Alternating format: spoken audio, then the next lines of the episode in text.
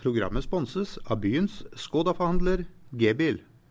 Hei og velkommen til en uh, ny podkast. For hvert uh, program vi legger ut nå, så nærmer Start seg nedrykk. Det er ikke helt uh, bra, Jesper? Det er absolutt ikke bra, men i dag har vi fått inn to hyggelige karer. Den ene heter da Erik Rudfold Pedersen. Han er henta inn fordi vi prøver å trekke litt flere eldre lyttere til programmet. Vi har et uforløst potensial blant den eldre garde i Kristiansand på Sørlandet. Derfor er Erik her. Den andre er Norges I dag, i dag, vi må bare, bare si det først, i dag heter radio, ikke, ikke podkast. Pga. nettopp det du, du, sa der. I dag er det radio. Radio? Ja, Vi kan ikke kalle det podkast, vi må kalle det radio. Vi må kalle radio, Ja, stemmer. Podcast, I dag er det radio. Og, det, og, og også den andre vi har på besøk, det er da Rune Nilsen. altså Norges nummer én. Rune rekkevidde, verdens hyggeligste og mest normale keeper. Velkommen skal dere to være. Takk. Takk for det. Jeg snakka med Tusse. Han var jo så gjest her sist, og han har jo ikke gjort noe annet enn å svare på henvendelser fra radioprogram i Norge etter at han eh, lanserte Tussetimen sist. Han var så høyt oppe at han dagen etter la ut en hyllest av seg sjøl på sin egen Facebook-side, som jeg lagde til han til hans 50-årskalas. Så denne videoen her nå, den har snurra av Tusse sine ja, Hvor mange mål skåret han for? 10-11 stykk? Alle de er på den videoen. Så Tusse er høyt oppe. Han må ned på jorda. Dermed inviterer vi ikke han de neste ukene. Vi kan gå inn og se på Facebook-profilen hans hvis vi vil se Tusse sine skåringer. Søk opp Arild Tusse Tønnesen. Det åpner med at det står 'King Tusse' som åpnings, uh, åpningsbanner. Så uh, han har det perfekte selvbildet, syns jeg. Var det noen uh, klipp fra innleggene til Kuholmsveien? Det var faktisk ikke det. De er klippa vekk.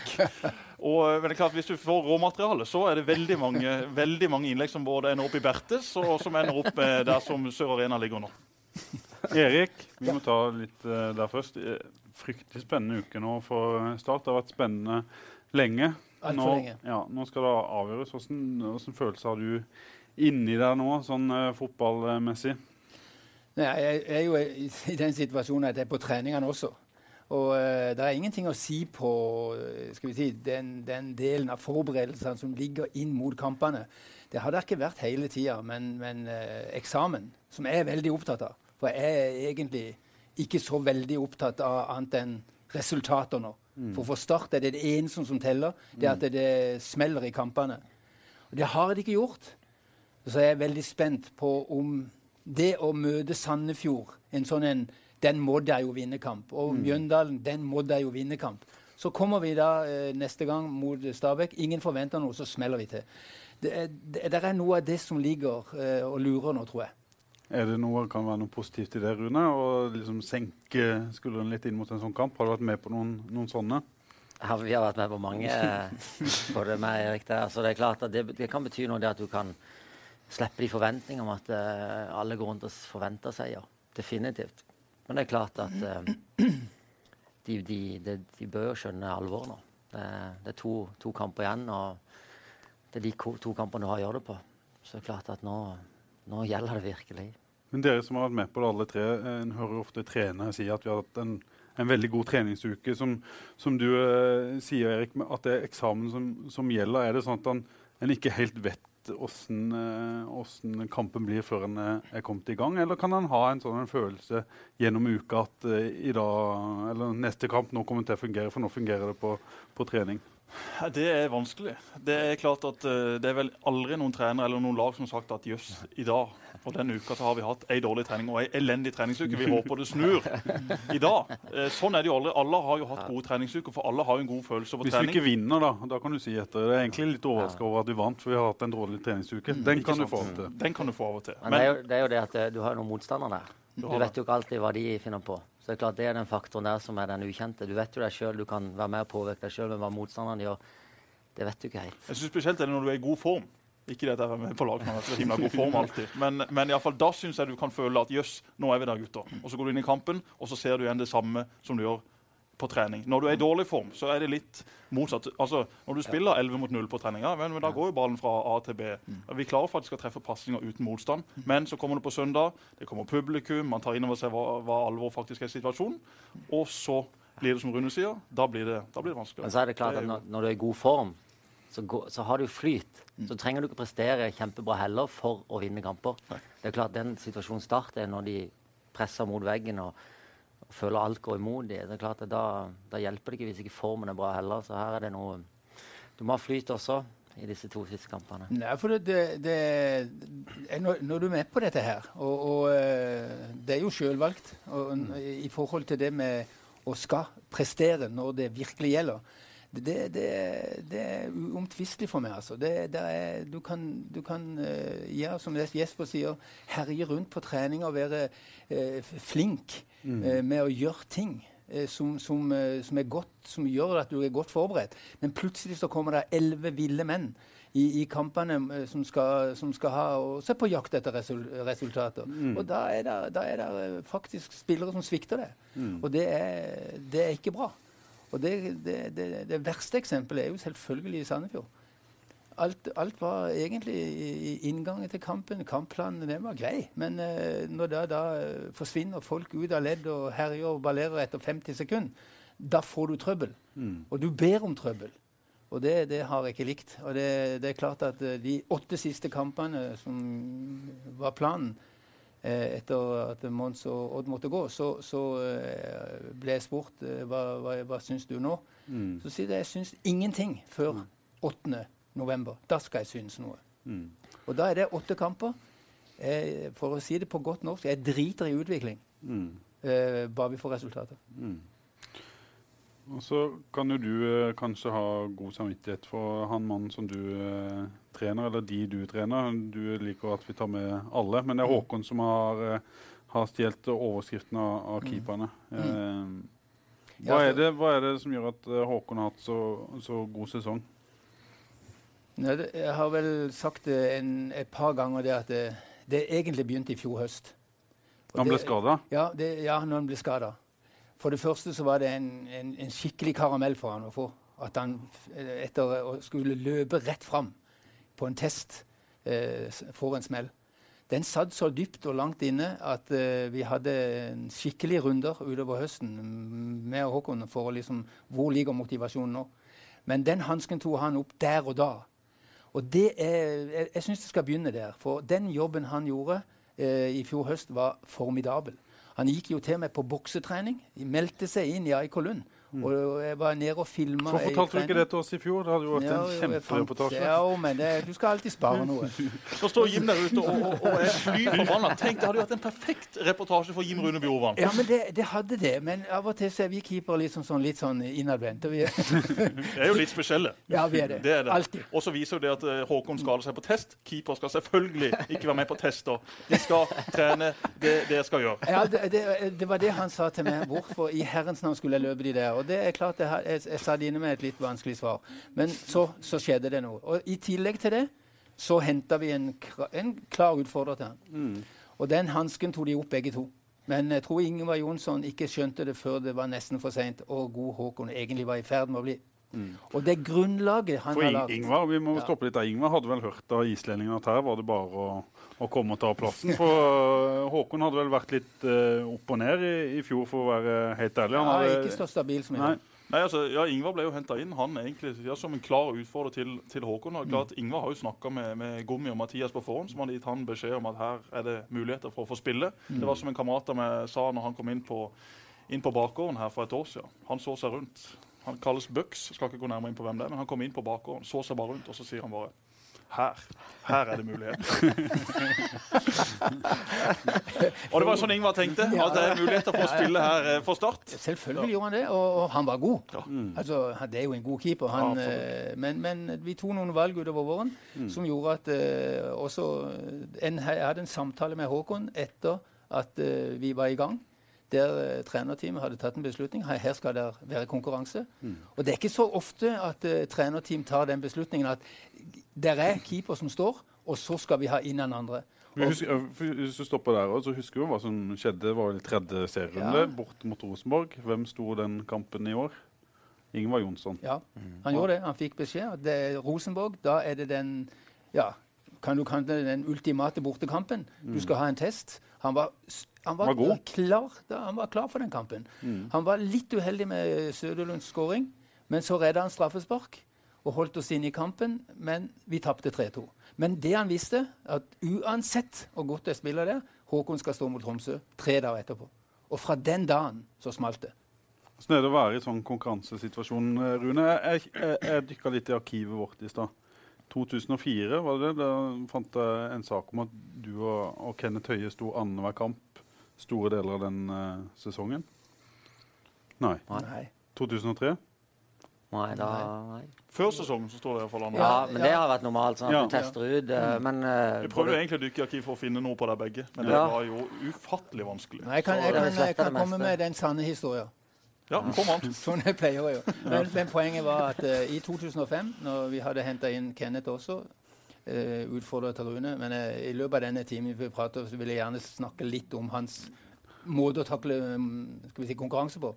På. Eh, men i 2004-2005 da henta vi Kenneth, for vi måtte i Tippeligaen, eh, som vi var kommet opp til da, og nye, så skulle vi ha litt tøff konkurranse. Men det har vi alltid hatt.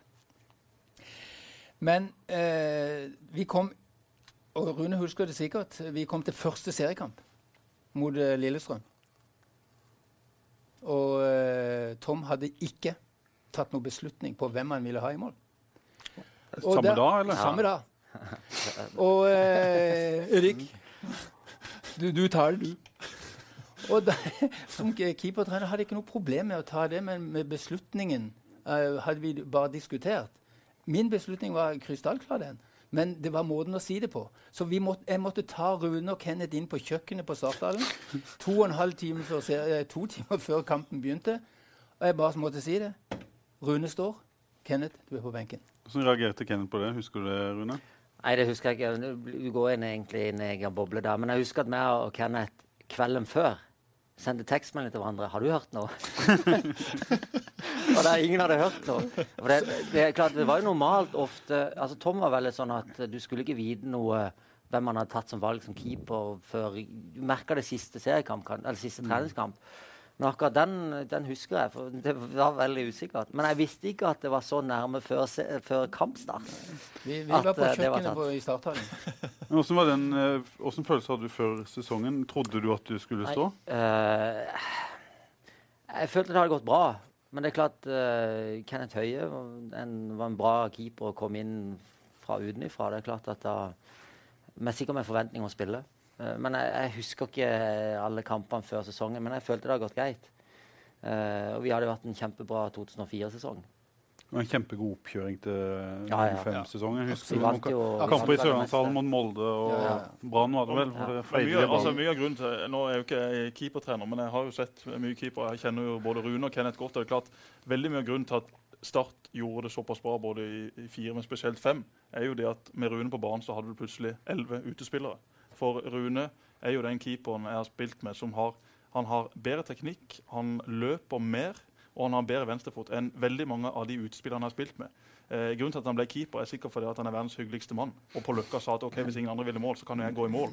Og så var han i gang der. Men han har jo noen egenskaper som gjør han helt unik som keeper. Og det var jo 2005-laget ekstreme på å utnytte. Sånn at måten det ble spilt fotball på, er jo faktisk mye takket være Rune. Ikke bare fordi han sitter her i dag, men eh, sånn, sånn er det jo, Erik. Det var jo krystallklart, det. Ja, det, det, det er helt riktig, det. Og, og vi- kan jo begge to som har vært oppi det, vi bekrefter jo dette fordi at uh, i 2002 så uh, fikk vi Iallfall jeg fikk en oppgave av Start uh, som klubb å å meisle noe ut som går på rollekrav og den slags. Mm. Det tror jeg er blodig på alvor, og eh, jeg har en visjon. Mm. Og den er eg- veldig grei.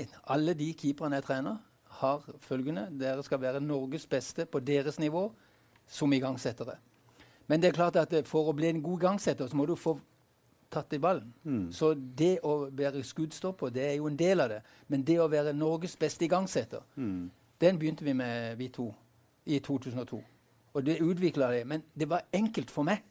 For jeg hadde en elev som var be Norges beste på det. Mm. Så det var lett å Han, sette han var god fra før. Ja visst var han det. Ja. Men, og det er riktig som Jesper sier. Altså, Det var- hadde med spillestil å gjøre. Mm. Vi skulle ikke gi vekk ballen sånn uten videre. Vi skulle bygge opp bakfra, vi skulle beholde ballen i laget. Og jeg kan også si det at det der er den eneste gangen, den, den eneste spilleren jeg har hørt om, at tippeligatrenere Der er to. Jeg kan navngi de òg. Men de kom og sa til meg hva er det som gjør denne mannen så spesiell i deres spillestil? For det at vi må ta hensyn til ham på spillermøtene. Mm. Vi må si at pass på. Hvem var det som sa det? Hva sa de? Det var bare å skyte? Nei, pass, pass på. Eh, jeg kan iallfall si at Ove Røsler var den første. Ja. Og han var den viktigste i så måte. Men han Kult å høre, bare- Rune. Selvfølgelig. Og det er klart, jeg har tenkt på det flere ganger at jeg var jo eh, i, i de duellene i 2004, 2005 og 2006. Det er klart eh, Det er ikke sikkert jeg hadde spilt under hver hvilken som helst trener. Eh, jeg var nok veldig heldig at vi hadde den fokuset som vi hadde da. At du skulle være god med beina. For jeg har nok aldri vært en av de beste ballstopperne. Men det var liksom min spisskompetanse, og det passa med å lage bra da, under Tom Nordli. Så det er klart at da fikk jeg jo vist det frem, og det ble jo veldig fokus på det. Så det- det var jo, det var pluss. pluss. Ja, det, er helt, altså, det er helt riktig, det som Rune Stug kan Men, men det, det, det som er poenget her, det er at uh, i den tida altså, Vi, vi jobba bevisst med det og var gode på det, for å være helt ærlig. Vi var kanskje de beste. Men det var ingen som, ingen som merka det. Det var ingen som hadde noe fokus på det i den grad som nå.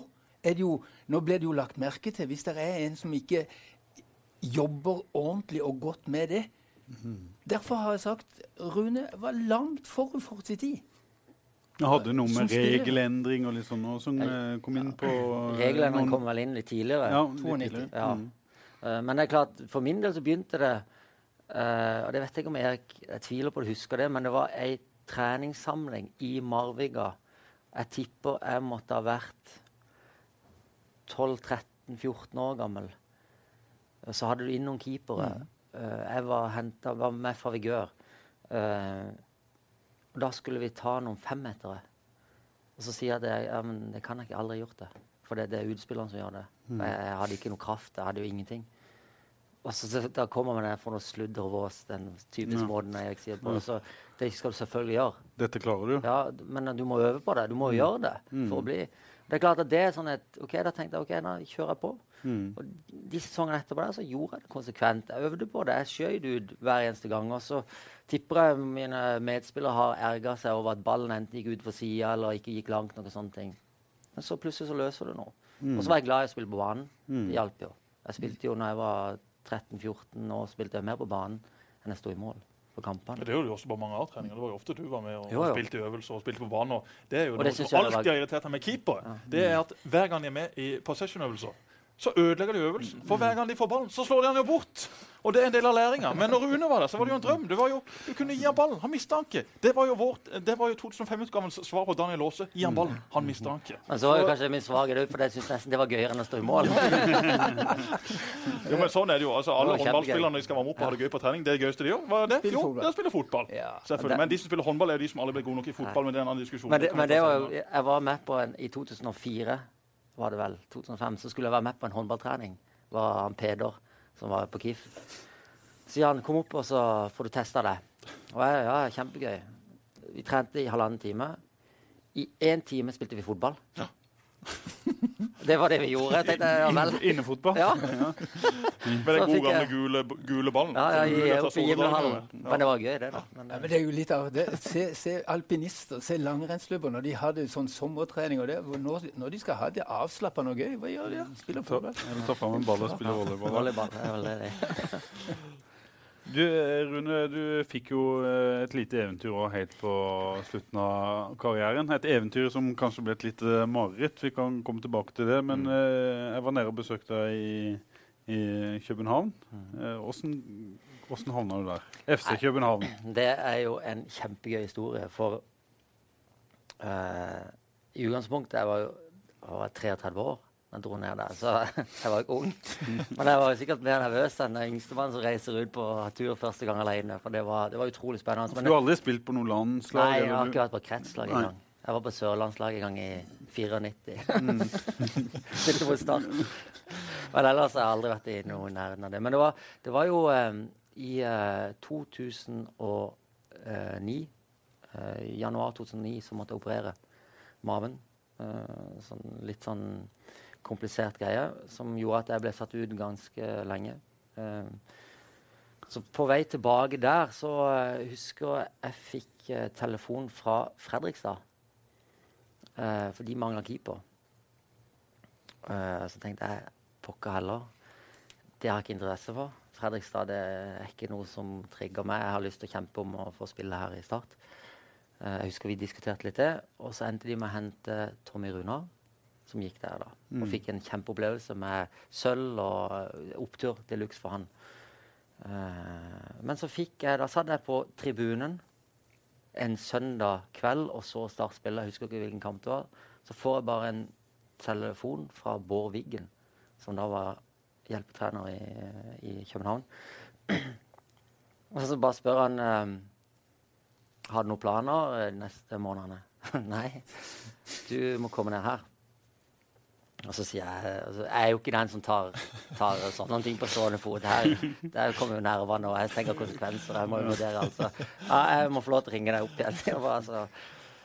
Så kjører jeg hjem og er jo helt skjelven. Tenkte hva er dette her, for jeg tør jo ikke dette. Og så prater jeg med kona, og så sier hun dette må du bare gjøre.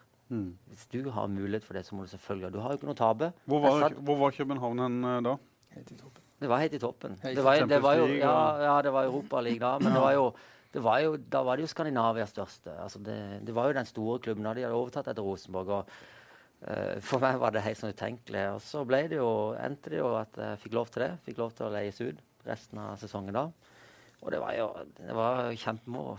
Uh, Jeg kommer ned der og møter uh, spillere som til og med kjente igjen. Jeg er ikke veldig interessert i fotball, men det var spillere der som var kjente. Og, og til min store overraskelse kom jeg inn, så var det jo akkurat samme som å gå inn i startgarderoben. Det var de samme folkene. Vi hadde Morten Hæstad-typen som gikk i bar overkropp hele tida. altså, det var det samme. Du hadde tida. Ja, ja, naken. Ja. bare gikk naken. Vi hadde jo en kvinnelig fysio i start. Morten Hestad kom inn til behandling naken. Ja. Han kom inn naken, han var så fornøyd med hele kroppen sin at han bare kom inn naken. Ja, er du klar for å behandle meg?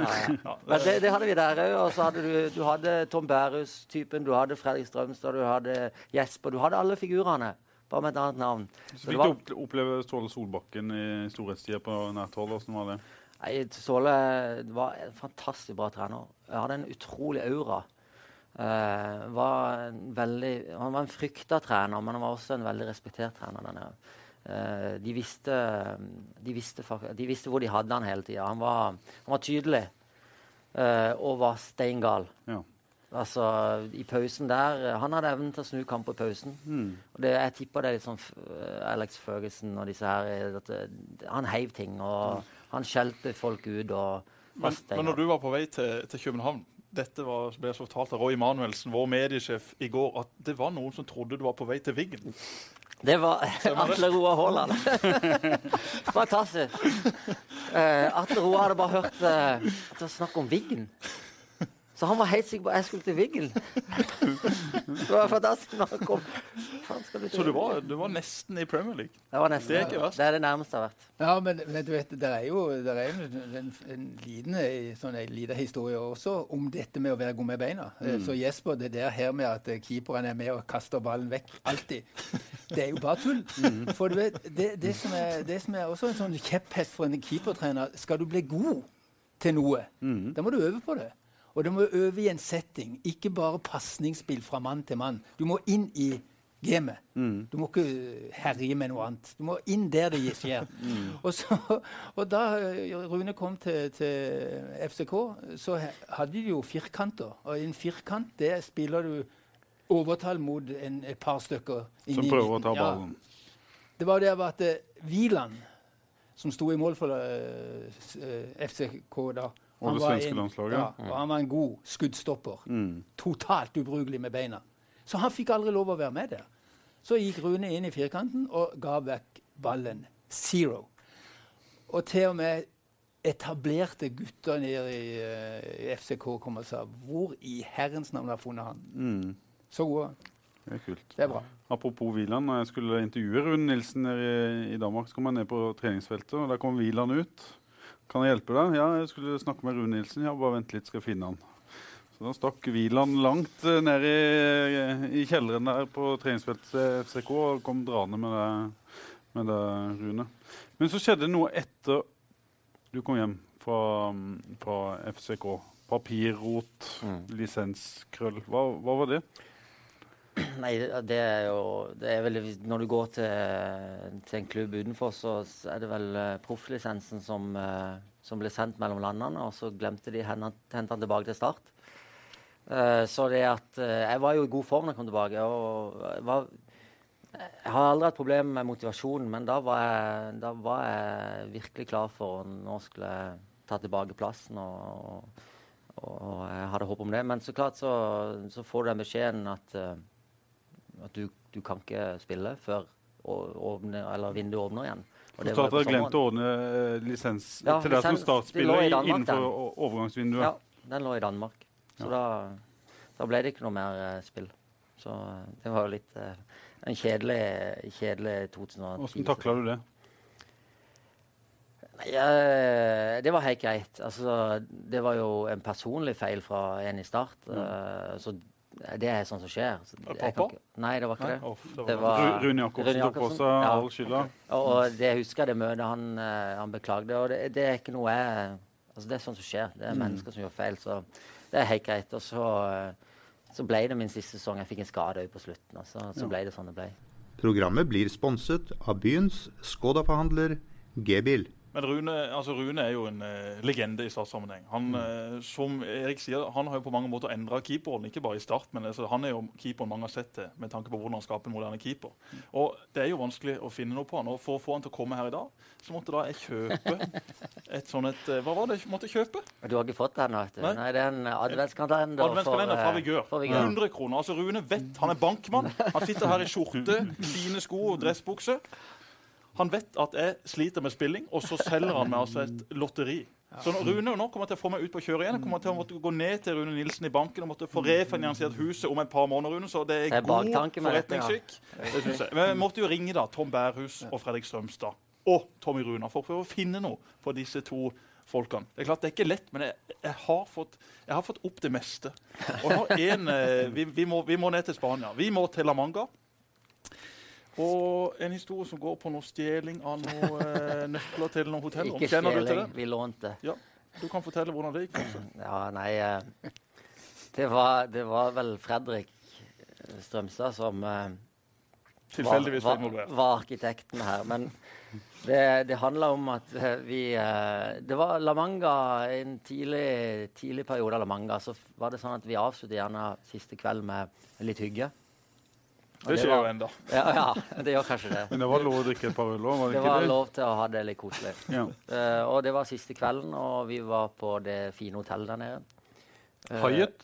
Hyatt, ja. Og så, uh, vi skulle inn og ha noe fra minibaren, tror jeg. Uh, det må jo ærlig innrømmes, det. Og, og Fredrik, han, han, sa da Rune, nå går du, og så tar du og distraherer de som jobber i resepsjonen. Og så fiksa jeg resten. Og så plutselig så hadde han nøkkelkort der, så skulle vi inn og finne noe. Men det gikk ikke så greit. Altså, Sånn som Fredrik fortalte historien, så var det Rune som stakk bak og henta nøklene, mens Fredrik opp på resepsjonisten. Rune gikk bak disken, henta tre nøkkelkort. De gikk inn på det første rommet. Der var det ingen hjemme. De satte seg ned i sofaen tømte minibaren, gikk ut, var i god gang og skulle inn på neste rom. Der gikk de inn. Der lå det noen og sov. Så da avslutta de oppdraget. Sånn var historien fra Fredrik. Og akkurat her så tror jeg mer på Fredrik enn Rune. For Rune jeg skal, ha, noe på det, Nilsen. Jeg skal ha noe. Men akkurat det, det stemmer det der at det, det lå noen og sov på det rom nummer to der. Oh ja, så det var inne på rommet? Ja, det er rom nummer to. Ja, Men fortsatt er det god gang på, på siste kveld. Altså Espen Hoff han tåler å få en historie mot seg. Det har han fått 100 ganger. kommer til å få det 100 ganger til. Men det var vel for to år siden. Så hadde vi hatt altså, eh, et kalas siste kvelden. Jeg var da gått i seng, og jeg lå der på rom med ja, det, Jeg lurer på om jeg bodde på rommet med Strømstad. Og så hører vi bare ut forbi. Så kommer da Espen Hoff og Olufemi Oladapo. Mm. Og Oladapo han drakk ikke. Eh, men Hoff han drakk. Eh, så til de grader den kvelden. Så vi bodde da, På La Manga så bor vi altså i leiligheter. De går over tre plan. Som ofte så bor da trenerne i midten, så de slipper å ta eh, trappene enten opp eller ned. Vi bodde på toppen. Hoff kommer da hjem, godt påseila. Dapo blir distrahert av et eller annet. Altså han, han, var jo da barnevakt for Hoff, passa på Hoff denne kvelden, men akkurat da så mista han Hoff av syne. Så Hoff går da bort til døra, som han tror er si, og begynner å ringe på. Begynner å hamre på. Nøkkelkortet virker ikke. Hamrer hardere og hardere. Står der i to minutter. Så åpner døra seg. Hvem kommer ut? Mons Ivar Gjelle. og la Dapo ser se, se skandalen, løper bort og beklager seg for Mons, og Hoff legger seg flat. de, går, eh, de finner etter hvert opp til rommet som var rett over i etasjen over. Mons er jo en fantastisk mann, så han tok dette fint. og det, det, var jo sånn at Hoff fikk jo høre dette i noen måneder etterpå. Hoff, nå får du høre det igjen. Den tar du. Så det er gøy Men- på La Manga. ja, men La Manga- du koste deg på La Manga. La Manga var du gleder deg alltid til å reise. Ja. Det, men det, var- det endra seg jo. For i begynnelsen, når en ikke hadde familie og barn, så var jo La Manga kjedelig. Men idet en får familie og barn, så er jo plutselig La Manga et fristed hvor en kan konsentrere seg om seg sjøl i 14 dager. Så for meg var det helt fantastisk. Jeg kunne sitte og se på film mellom treningene og bare slappe av. Hiring for your small business? If you're not looking for professionals on LinkedIn, you're looking in the wrong place. That's like looking for your car keys in a fish tank. LinkedIn helps you hire professionals you can't find anywhere else, even those who aren't actively searching for a new job but might be open to the perfect role. In a given month, over 70% of LinkedIn users don't even visit other leading job sites. So start looking in the right place. With LinkedIn, you can hire professionals like a professional. Post your free job on linkedin.com/people slash people today. Jeg husker det, jeg husker det når vi hadde vært der nede i to uker, og så var det så mye snø på taket av Sørlandshallen. Så vi måtte være der i tredje uke. Men da, Og- da var jeg reist hjem. hadde ødelagt menisken. ja. men, men Steinar husker jeg har fortalt. Han ringte hjem til Siv. Det var ikke fyrverkeri når den telefonen kom? Det var langt ifra fyrverkeri. Det var mye snø. Ja. Det, det var hele pakka. Nei, det var, det var en belastning. Også, det, det, det, toppen av den historien det var jo at nå etter ei uke hjemme så dro vi til Blackburn. Så eh, Nei, nei. Å være fotballenke med snø i tillegg det, Men noe annet som var gøy med Rune La var jo at eh, vi spiser, det eneste vi spiser, er pasta, kylling og sånn pastasaus som alltid spruter på de hvite T-skjortene. Så alle får det berømte La Manga-T-skjorta etter et par dager. Alle går ut med hvite T-skjorter med sånne røde, brune pastaflekker på. Men Rune vet du, han gikk ned på den lokale supermerkadoen og kjøpte de herligste biffer. Rune er jo Norges altså Glem nå Sven Nordin og disse her som har vært med i Rema-reklame for, for å kunne grille. Her her har du Norges store grillmester. Rune Nilsen. Du er en stor fan av grille, og du kan det. Elsker å komme inn på Rune Nilsen sitt rom. Det var liksom marinert. Det var ikke marinert i en time, det var marinert i to døgn. Det lå dynka inn i plastposer inne i kjøleskapet. Du tok det ut. Det smakte fantastisk. Du er glad i å grille? Ja, jeg er glad i å grille. Men uh, vi hadde jo full utrykning det året der. Ja, stemmer det. Fordi at uh, vi hadde grill utvendig, men den var ikke, pipa var ikke dimensjonert for grilling. Så, så det var full brannutrykning. Jeg merker det er mye her som egentlig kunne havna i spalten hos oss, men som ikke gjør det. Det er helt korrekt. Men hva er det med keeper og, denne her fascinasjonen for å lage mat? Du er god på kjøkkenet. Håkon nå er jo en ener på kjøkkenet. Han lager jo ikke en, en middag uten 15 ingredienser. Kenneth Høie også god på kjøkkenet. Er det rett og slett fordi at altså, jeg er god med hendene, også på kjøkkenet? Ja, så handler det vel om at keeperne, i hvert fall tradisjonelt sett, har- kunnet spise litt mer enn de andre. Uten at det får konsekvenser. Jeg vet ikke. Er det du går på kjøkkenet? Det, jeg skulle akkurat til å si det. Jeg håper ikke kona hører dette her, for jeg er helt bak mål. Så eh, jeg, jeg, går, jeg står bak mål når de eh, fikser maten. Det jeg tror jeg får Men, innrømme men det. vi har fått en annen historie av, av Tom Berhus. Må, må, få, må få ta den. Rune er jo en stor fan av Danmark. Og du elsker jo Bilka. Alltid jakt på gode tilbud på Bilka. Gjerne da grillmat.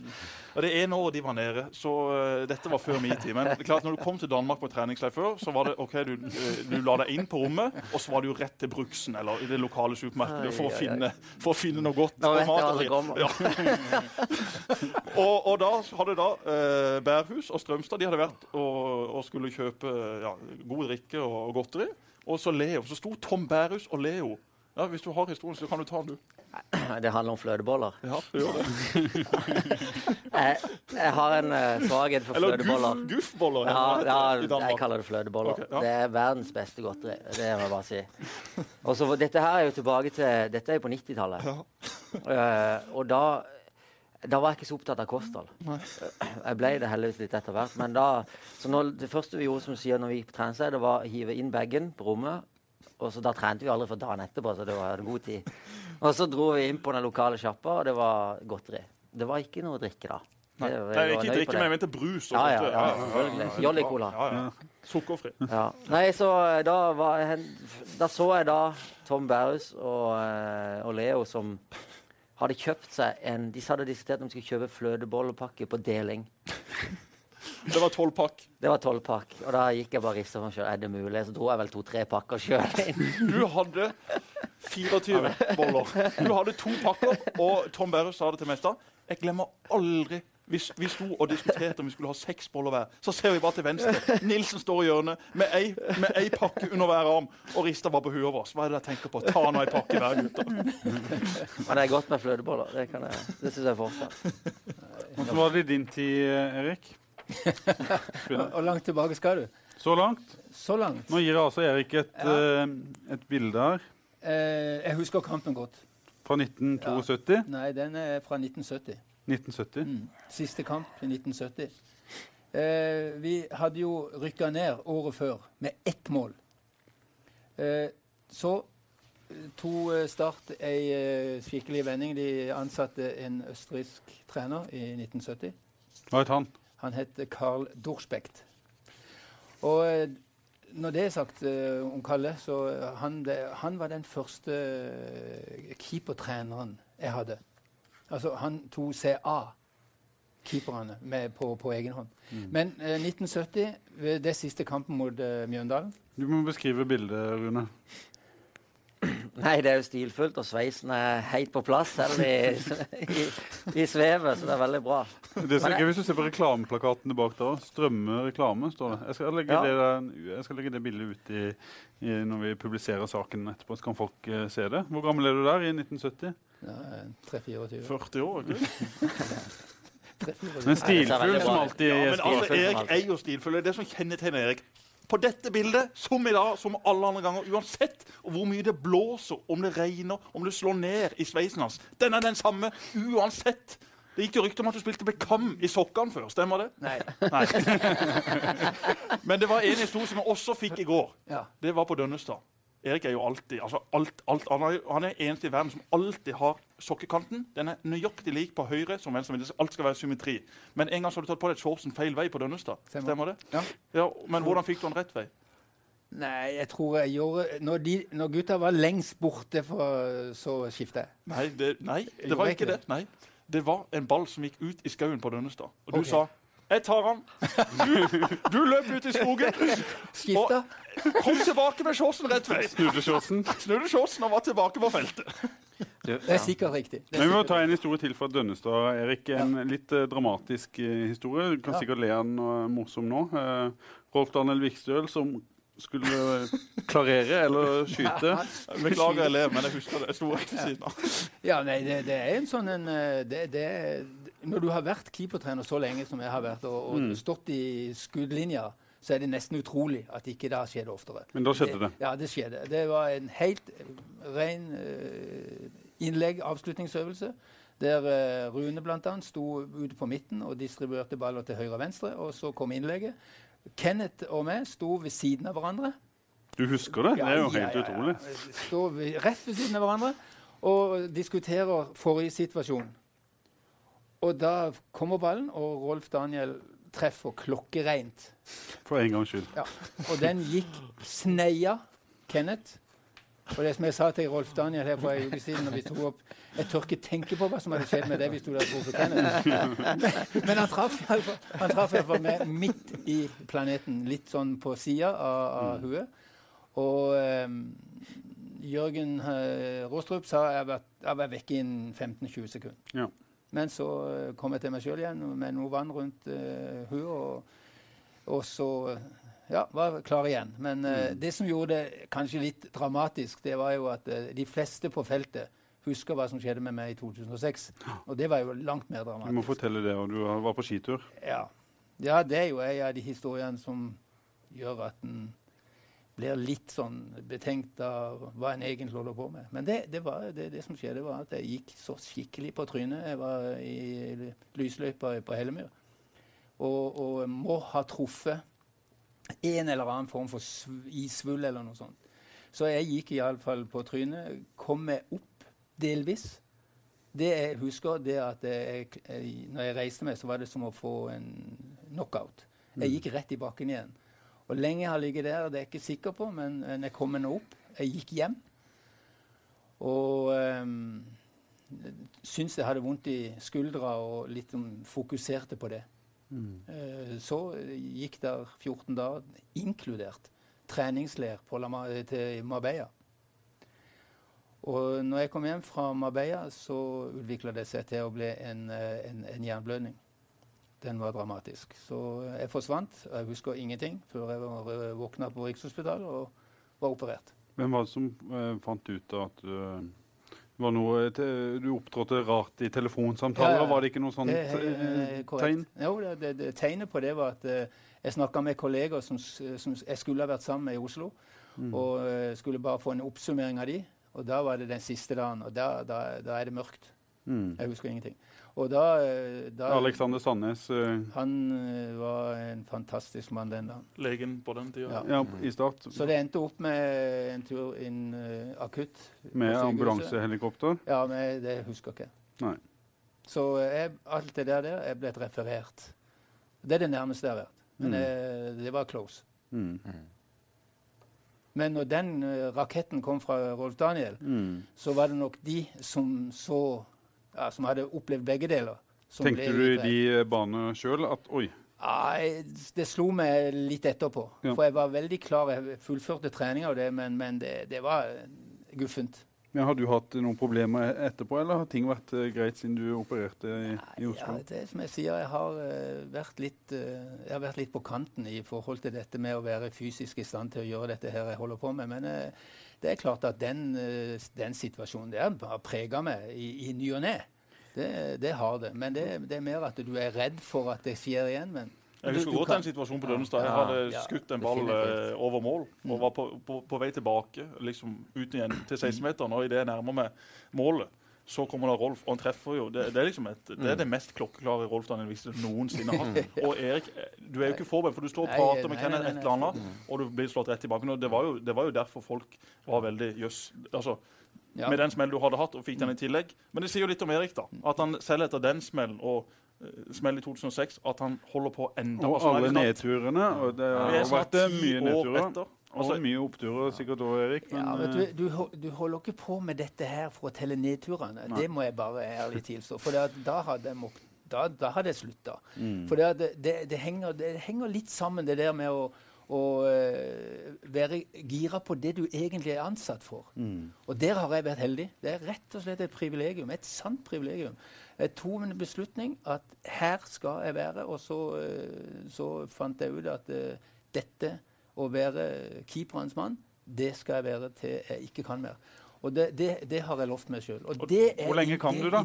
Ja, det vet jeg ikke. Eh, åtten- Tar du ett år av gangen, Yes. 8. oktober, nei, 8. november 2015. så begynner du å tenke på om du skal Men en ting er at han er keeperens mann og har fått innført eh, 1-4-4-2 osv. Men han er jo startsmann. altså Erik er jo Start er jo en av de største som noensinne har vært i Start. altså Han er den personen som hver dag kommer med mest energi, mest entusiasme på feltet. Jeg har hørt veldig mange mennesker opp igjennom som har snakka stygt om andre. Det gjør vi alle. Meg sjøl inkludert kan være forbanna på folk. Men Erik, jeg har aldri hørt han si ett negativt ord om noen. Ikke til ikke i en eller annen samtale har jeg hørt det. Ikke engang om en dommer. Han, skal, han har Ikke en journalist engang? ikke journalist. Han, han har alltid han, han, han, han, Og er hvis journalisten skriver dårlig om keeperen ja, se, Ja, men da tar han det. Det skal Erik ha. Ja. En av de mest reale der Da tar han journalisten. Han går ikke og maser om det til alle andre. Da Han går han har, rett til han. han har mange ganger vært bortom uh, meg uh, på en uh, mandag hvor enten du, Rune, eller Kenneth Høie eller Håkon eller hvem det skulle være, har kanskje fått litt dårlig betalt. Ja, jeg innrømmer det gjerne. Jeg har både gitt keepere for lave og for høye karakterer. Og da er Erik der, og det Erik, Erik er en, Erik er en legende. Ja, Det det- kan vi si. Rune? Det, ja, det, Ja, men det som, er det som er viktig det er, Nå var jeg der i 14 sesonger i Start. Det husker jeg jeg sa når jeg, når jeg slutta òg. du, du har jobber, altså Keeper og keepertrener jobber jo utrolig tett sammen. Vi er sammen uh, kanskje halvparten av trening og mer enn det på feltet. Uh, hvor vi er vi isolerte. Vi, vi to også, eh, eller tre-fire keepere. Eh, I 14 sesonger så, og du jobber så tett med et menneske, så kan en jo gjerne bli lei. Men det har han jo ikke blitt. Altså, Jeg var ikke lei en dag. Det var utvikling hele tida. Og det er jo det som er så spesielt med Erik, at han hele tida utvikler seg. Altså, eh, Han er ikke ung lenger. men det er jo fortsatt utvikling. Det er jo Mm. fortsatt Han ønsker jo å bli bedre som keepertrener. Og det er klart at når du snakker om mitt gode bein Ja, jeg vet det. Men altså, Det er jo ingen som kan treffe så Altså, jeg, jeg, jeg har prøvd dette sjøl. jeg satt og kikka på han nå når Start varma opp borti i Sandefjord. når Ja. jeg skulle spille. Så tok jeg en liten video av deg uten at du så Erik, hvor du sto og cornerflagget og slo eh, Da var det eh, Sean McDermott som eh, varma opp før kampen. Du varma alltid Ja. opp begge keeperne. Og Erik sto og, og slo lange innlegg mot bakerste stolpe som Sean var ute og, og plukka. Det er ikke mange 69-åringer som Nei, og eh, jeg, jeg gjør har prøvd dette sjøl på min egen sønn og keepere og, og kjøre de. Og så har jeg tenkt på herre min hatt, hvordan har han klart å truffe så nøye hver eneste trening hver eneste dag? Det er jo ekstremt. Ja, det er og det er jo det som er hele clouet. Hvis du skal få en god keeperopplevelse, keepertrening, så handler det om at du må få gode server. Og, uh, Og det var det Kenneth? Høie litt misfornøyd en gang Erik Rutford ikke var på treninga. For da var det da Tommy Runar, eller som vi kalte han, Mini-Rutford, som varma opp Rune og Kenneth Høie. Og Kenneth Høie har jo et temperament som går langt over alle andre jeg har møtt. Tommy Runar skjøt da litt for langt ute i hjørnet, og eh, Kenneth Høie ble fly forbanna og sa 'Tommy! Da må du faen meg treffe litt nærmere meg.' Og så svarer bare Tommy 'Det er bare å flytte beina'. da klikka det for Høie. Men du vet hvem han eh, egentlig mener passer aller best å ta over eh, Rune, som keepertrener i Start? Nei. Nei, men det, det var jo kanskje planen, i hvert fall litt tidligere. Men Er, den, eh, er det lagt på is? det er nok andre som har eh, Som står nærmere til å kanskje passe bedre til det. Det mener ikke du, Erik? Du, Nei, det, jeg mener ikke noen som passer bedre. Nei. Men jeg, har akseptert eh, jeg akseptert 100% selvfølgelig. Når Rune fikk den muligheten til Når han var når han fikk den sesongen som han fikk med øh, å ikke kunne spille, i tillegg til en liten skade, så, så måtte han jo liksom akseptere at her går det mot en, øh, en karriere utenfor fotballbanen. Og det, det, var, det var ikke vanskelig å, å, å forstå og sluse han inn i en eh, privat næringsliv. Det er den beste ansettelsen de har gjort. Så, så, du kan ikke gjøre sånn som, du, er sånn som du gjorde, å kombinere privat næringsliv og en keepertrenerrolle i Start? Det er sikkert mulig, men eh, jeg tror kravene eh, de øker bare. Og det, det er blitt sånn. Og jeg, jeg jobber jo nå og skal, er så heldig hvis det alt går etter planen, og det håper jeg det gjør. I 2016 skal jeg være med og, og, og være mentor i, i forbindelse med utvikling av og kursing av nye keepertrenere i Norge. For det blir etter hvert et lisenskrav. Mm. Så skal du være tippeligalag, så må du ha en lisens, eh, en, en keepertrener som er høyest på rangstigen når det gjelder kursing, og, og de gjennomførte kurs. Så nå er det ikke bare for hvem som helst å gå inn i den jobben. Det blir lisenskrav, og da må du ha topputdannelse. Og da må du ha begynt relativt tidlig å tenke på dette.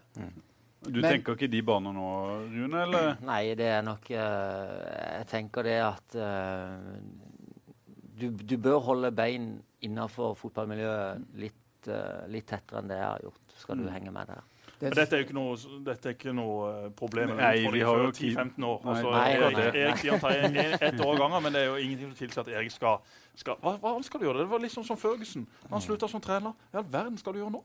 Du tilbake. Nei, det, det men det, er, det eneste jeg har jeg, jeg hører du sier, men jeg har uh, vurdert det å seriøst å se på å være med og utvikle både folk som kan ta over jobben. For det, det har jeg sagt mange ganger. At ikke der står ti stykker og skraper i sanden og vil ha min jobb, det skjønner ikke jeg. Og det, og det, det må Fotball-Norge ta på alvor. Der, der må uh, utdannes raskere og flere. Men det er ganske krevende. Men det skal jeg være med på. Og så, så ser jeg at det er Jeg har hatt en keeperproffopplegg med, med, med unger i, i, uh, unge spillere i, i, um, i år. Første gang vi har liksom tatt det på alvor, ordentlig alvor.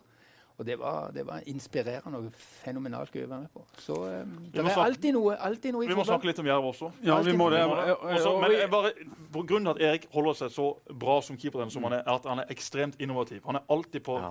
jakt etter nye øvelser. Når vi er på La Manga, så løper han rundt på banen for å se hva gjør de andre lagene. Han snakker, en gang så fikk han, han er så stolt av å være keeper. En gang så fikk du nye keeperhansker, sies det. At du spiste med dem på denne middagen på La Manga. For du har fått keeperhansker med navnet ditt på. Så Erik lever under keeper. Han er innovativ, og han er jo den fødte mann til å lære opp neste mann som skal inn. Dette blir Rune, eller hvem det skal bli. Det ordner vi. Jeg skal bare ha ett et spørsmål til Erik om karrieren din før vi går på på Jerv som kanskje er litt betent, og som har stilt deg en gang før. Du har en sønn eh, som jo er Jerv, som heter Steinar Pedersen. Som kan være en aktuell mann eh, for trenerjobben i Start. Det sier jeg, og så trenger ikke du kommentere det. Kan du jobbe sammen med din egen sønn? Jeg kan, men eh, det er jo ikke dermed sagt jeg vil. Har du gjort deg noen sånne refleksjoner? Ja, Ja. det har jeg. Og det, det er sånt som at eh, i det øyeblikket dette Altså sånn en, en, en eventuell situasjon skulle oppstå, så vil jeg vurdere veldig nøye om det er riktig. Nå tenker du, eh, Jesper, det er jo ikke noe problem, det. Nei, altså, jeg jobba med min far i Start. Ja. Ikke på samme måte, men eh, altså, så lenge Men så lenge rollen er avklart? Ja, altså, det er er ingen problem. Det der, er, altså, nå vil jeg ikke snakke på vegne av Erik og Steinar, men det der far-sønn-greien det, det er snakka opp av andre som et problem. For meg var det aldri noe problem, selv om folk utenfor mente det. Så jeg synes det er helt, jeg, altså, jeg er jo kjempeglad for at jeg fikk lov å jobbe med min far. Og det er jeg helt sikker på at eh, Steinar har vært opp igjennom med deg. Du har vært så tett. Steinar har jo spilt i Start mens Erik har vært det der. er helt riktig, Jesper. For det at, eh, altså, selve problemstillingen har jo alltid vært der. Og alle de trenerskiftene er For du har, vært ho har du vært hovedtrener for din egen sønn Ja, jeg har Start? det faktisk Ja. i eh, et halvt år. Ja. Uh, Det er kanskje så- enda verre enn å være keepertrener og trener, er det ikke det, Rune? Jo, det vil jeg tro. Ja. Jeg opplever det samme på gutt 11 i Vigør. Jeg trener min sønn. Jeg er det på er forferdelig vanskelig. Ja, jo, men altså Men, men jeg må bare det- si, i forhold til det der forholdet mellom hovedtrener og keepertrener, Mm. hvis det en gang blir Så alle som kjenner Erik og Steinar Nå har jeg spilt sammen med Steinar, gått i klasse med Steinar, vokst opp med Steinar og mange år med Erik, så vet jeg det er ikke noe problem. For det er to gjennomført profesjonelle fyrer som hadde klart det kjempegreit. Det er, det er liksom ingen problem. Vi går over til Jerv. Vil du ha Steinar som starttrener? Uh, uten at jeg har noe imot Bård. Ja, Steinar tror jeg hadde vært en kjempebra uh, starttrener på sikt. Mm. Definitivt. Han er en, eh, det er en spiller som er gjennomført. Altså en, en spiller uh, var han gjennomført. Altså Mm. profesjonell til fingertuppene. Uh, det er sånn som du, du var glad du hadde på laget, for han var med og, og opprettholdt treningsnivået. Sånn, han tillot aldri det. Og det har han bare gjennomført eller videreført på som trener. Og jeg liksom du, du ser når han blir uh, intervjua, og jeg har prata med ham noen ganger òg det, det er gjennomført, altså. Det er bra. Det er solid. Det er helhetsinntrykk hele veien. Det har du sett fra første stund han har gått over i trenerrollen òg. Kjempe. Så Nå kommer nedturen for Steinar, Erik. Han har ikke hatt en skikkelig på trener i Ja, men det, det, du, det mener jeg fra innerste hjerte. Du har ikke vært fotballtrener før du var like i grusen eller i, i sumpa. Det er da du viser uh, virkelig karakter og du viser styrke. Hvis du får lov av klubben. Mm. For den kommer. Den kommer. Det er ikke noe tre som vokser inn i himmelen i fotball. Aldri har skjedd. Og det er klart at uh, den medgangen de har hatt, den er fortjent. Det er deres eget hardt arbeidende både lag og klubb som har, som har gjort at eh, Jerv er i den situasjonen de er nå. Det er en fantastisk prestasjon. Jeg er imponert så det holder. Stolt som F. Men poenget er at uh, det er alltid Der kommer alltid en situasjon der utfordringene blir større enn du setter pris på, og de må du takle. Så det, det, det kalles utvikling. Ja, det gjør faktisk Du er jo nødt til å få dem for å ta ja. det steget, og det, det er garantert du- Men du kan ikke han. få det med vilje. Nei. Altså, det, nei. det, du, det, det kommer tidsnok. Du, har liksom ikke, du, Men du, kan, du legger aldri opp til det, Jesper. nei, Du, nei, du, du du, du planlegger suksess i, så langt du kan. Men noen ganger så, så, så, øh, så, så vil du møte den, øh, den øh, veggen som, som, som tabellen forteller. Mm. Og da, da skal du sammen med laget brette opp armene. Men jeg er nå hellig overbevist om at de, den klubben og de personene rundt som forstår at dette er et lagspill, og du er sammen om det, da vil det kunne, kunne løse seg lettere. Men saken med Jerv nå er jo at eh, de kommer jo til å ta en av kvalikplassene. Spørsmålet er hvilken av de Den de tar. Denne banker, Ja, de ligger på femteplass. De møter Follo hjemme. Eh, Det holder med ett poeng, og de kommer til å ta tre. Og eh, Og det kan holde med tap, det kan holde med med tap. sannsynligvis. Sannsynligvis holder det med tap også. Så Jerv kommer til å spille kvalik. Spørsmålet er hvem de kommer til å møte. Det blir spennende å følge med på. Og som Erik sier, det er vanvittig imponerende sesong de har hatt, men jeg er ikke overraska.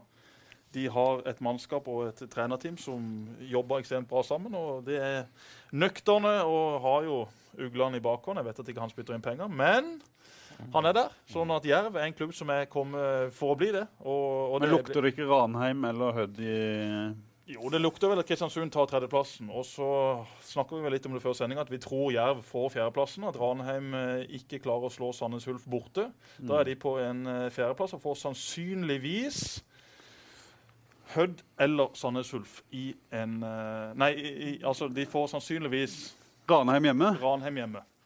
Og den så blir tøff. tipper det. Ja, den blir tøff. For Ranheim er, Ranheim er bra. Jeg tror jo Ranheim og Jerv er de to lagene av de fire som kommer i kvalik, som har størst sjanse til å vinne den kvaliken av Obos-lagene. Tror du det? Ja, det tror jeg. For Ranheim og Jerv er to lag som er på vei opp. De har bra form. Kristiansund har viktige spillere ute. De har tapt et par kamper bra. Vant sist, noe heldig 1-0 hjemme. ok, Ikke veldig imponerende. Så sa du Hødd og Sandnes Ulf, som jeg ikke tror hamler opp. Jeg med tror. Sandnes Ulf er det farligste laget. og Jeg tror Sandnes Ulf fort kan eh, rykke opp. Hvis de først kommer i kvalik, så tror jeg det ligger noe der med spillere med erfaring. og Ja, Det tror jeg ikke. Det er mange spillere med erfaring, men de er, de er på vei ned. Og eh, jeg så at det ble uttalt at Jerv var favoritter mot Start i en eventuell kvalik. Og da vil jeg bare hilse til de som sa det, at eh, hvis de står for det, så vil jeg gjerne få lov å plassere alle pengene jeg har i min bank. Det er ikke så mye. Men jeg vil i hvert fall få lov å gå all in på Start. For uansett hvilke tippeligalag som møter et Obos-lag, så vil alltid tippeligalaget være favoritt. Ikke mye. Er Men er det ikke litt annerledes nå? Nei, det er det ikke. Dette er snakk om eh, 55-45. Det er ikke store, men, men et tippeliga Men det har ikke vært, Før har det jo vært 80-20 de siste ti åra. ja, det, det, men det er det ikke lenger. det er jevnere, men det vil alltid være favoritt. Du kan ikke si noe annet. Nei. Nei, det er helt korrekt. Ja. Eh, og og eh, det, er også, det er også dette her med Når du har vært oppi det Så hvis du er et tippeligalag Bare se sånn som Tromsø nå. Nå ligger de over streken. Skulle de nå i de siste kampene nå dette under streken og komme i kvalik, det er nedtur for dem. Men de ser at de har en ny sjanse. Ja. Mens et Obos-lag som da stadig får muligheten, de er på vei oppover. Men det er lang vei. Det er to tøffe kvalikkamper før de går inn i dobbeltkampen. Etter lang sesong. Dette er krevende. Så Men, men du er jo inne på det, Erik. For det, det du sier der, at det Obos-laget som kommer opp, det er jo på opptur. De har vunnet to kvalikrunder. Mm. det er klart at det er jo noe Mens, mens eh, tippeligallaget er jo nede i sumpa der. Det er det, men det klart- samtidig, hvis det blir Start eller Mjøndalen, som det er mest sannsynlig at det blir et av de lagene, Mm. så er det klart de vil også ha en opptur, for de har kjempa om å ikke rykke direkte ned. Selv om ikke de har vunnet så mange kamper, så er jeg helt enig. Obos-laget har en annen inngang til kampen, Men og det de har samtidig alt å vinne. Men klart får du Start Jerv i en kvalik, så, så, så føler jeg det blir litt sånn Brann-Mjøndalen. Hvor ett lag har alt å du har alt å har alt å tape når du er ja, hederst, har kommer fra Start. Og så Jerv, det er en opptur. Det, alle vil, uh, i Sørlandet vil, eller på Sør-Norge vil komme og se kampen. Alle vil prate om det. Det kommer til å være en Mitt poeng var fantastisk- hvis Jerv er favoritter, og noen står for det, ring meg, Ja. så skal de få lov å sette så mye penger de er vil. Du får ringe de. Det, vil ikke være. Ja, det gjør det. det, Nei, men det, det, ble men det, det er jo gøy med Jerv. da. Altså, de slår Bærum sist. Bærum som har vært et av de store formlagene i divisjonen. Spilte helt jevnt med Brann i Bergen. Bærum mangla sin beste defensive midtbanespiller, men utenom det så hadde de fullt lag. Jerv går bare bort og knuser dem. Altså, det er vanvittig imponerende. Når vi møtte Bærum med Start, så vant vi 3-2 på overtid. Espen Mathisen med høyrebeinet i tverra og hedda ballen i mål. 3-2 på overtid. Det er ikke noe lett motstander på kunstgresset. Så Jerv er i fantastisk fin form. Utfordringa blir nå inn, inn mot slutten at de har brukt de samme spillerne veldig mye. Kommer de til å bli slitne? De er bra trent. De har en trener som er enda bedre trent. Men det er utfordringa for litt av de andre lagene. Ranheim Kristiansund har rullert litt mer på mannskapet. Det kan bli avgjørende i en kvalik. Ja, det er mange ting som spiller inn akkurat nå. men Det er at eh, det er fysiske, men, men absolutt mest det mentale. Det å, å, stå, å stå distansen ut oppi knotten, det er det desidert viktigste. Du må, du må ha tro, og så må du ville ha tro. For hvis ikke, så, så, eh, så kommer du skjevt ut altså, her oppe. Du kaver deg nedover. Det blir tilfeldigheter. Du må være jaggu så skjerpa, altså. Det kan ta sitt tredje strake oppbruk. Det er jo fantastisk. Det, er jo, altså, Det vil vel være historisk. det vil være historisk. fra historisk. tredje divisjon til Eliteserien på tre år. er vel... Det vel- Det vil. Men det kvalik kommer de til å ta. Ja, Den eh, kommer de til. å ta. Det, det bare banker vi bor. bordet. Det blir det. Hvis ikke de gjør det, så ja, da skal si? vi neste Da skal jeg kjøpe ti sesongkur på Levermyr i 2016. Ja. Og kvalikplass er jo en suksess. Altså, det er jo Ja, en, det er jo en fantastisk. en en fantastisk for av, av Jerv, Det er rett og slett. Men bare før vi avslutter, Ja. eh, jeg har eh, en historie på hver til. Altså, for Bærum spurte meg sa Du ble kalt for Sverdrup Dal i gamle dager. Vet du hvorfor? Nei, har ikke peiling. For på Phoenix kino, eller hva han ble kalt i gamle dager, så var det før kino starta, så var det visst en eller annen du en, har, ja, det, det var jo den figuren som løp over lerretet hver gang. Og den har jo denne elegante stilen. Det er høye knelløft, og det Og det er rak rygg. Rak Det er som å se Det er, altså, det er tre personer da, som, som jogger sånn som Erik. Det er Mitch Buchanan i Baywatch. Jeg vet hvem eh, Han er også altså like, han er også like brun og blid. Men det er Erik, og så er det da Sverdrup Dahl. Har du en til? Jørgen Rostrup. Jørgen Rostrup, han Ja, også. ja. Og det er ikke noe gal mann. Så Erik har en elegant løpestil. Og så var det da Tom Bærhus, som håpte jeg kunne få tak i Kai, da, men jeg fikk ikke tak i Kai. For det er klart, Tom Bærhus og Rune Nilsen det er jo to det er jo verdens greieste mennesker. De har jo aldri gjort noe galt. Og så tar, de aksepterer veldig mye, iallfall i starttida. Iallfall i klubben, i garderoben. Og det visste jo Kai. Så hver gang Rune kom og spurte Kai om sko Kan jeg få nye sko? Så Kai sa jo aldri ja, det kan jeg fikse. Han sier alltid ja vel, hva skal du med det? Har du ikke noen gamle sko? Gikk alltid, Kai begynte alltid med nei. ja, han begynte alltid med det. Nei, han bare. så gikk han da inn på dette lageret sitt i starthallen, hvor han enda har sikkert 100 par sko, og tok de skoene som lå helt bakerst. Tom mente at mange av de var lagd av plast og var kjøpt på, på bensinstasjonen rett over gata i gamle dager. Du, du, du og Tom fikk aldri noen gode sko. Du spilte ofte med sko som var gått ut fra Umbros kolleksjon for fem-seks år siden. De var ikke oppsporet noe sted i verden, annet enn på søppeldynga. Det måtte du ta til takke med. helt riktig. Men vi klarte oss jo. Og nå er du jo blitt god i curling. Ja, men jeg har gitt, gitt nå. Har du gitt det? Ja, jeg har gitt meg på det. Jeg trodde vi skulle snakke om curling. Nei, jeg har ikke tid til det. Nei, vi har Det ikke tid til å snakke om mer eh, her heller, gutter. Det var veldig hyggelig at dere ville komme. Så vi bare si takk for i dag. Lykke til i innspurten, Erik. Så må vi ønske Jerv lykke til. Ja. Start lykke til. Dette blir et haraball. Vi gleder oss. Fotballradioen er tilbake neste uke. Inn og lik Facebook-sida vår. Fotballradioen. Send inn spørsmål, forslag til gjester.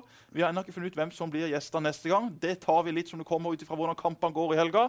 Men vi skal love dere latter og sang og glede neste uke. Vi gleder oss. Takk for i dag. Programmet ble sponset av byens Skoda-forhandler G-bil.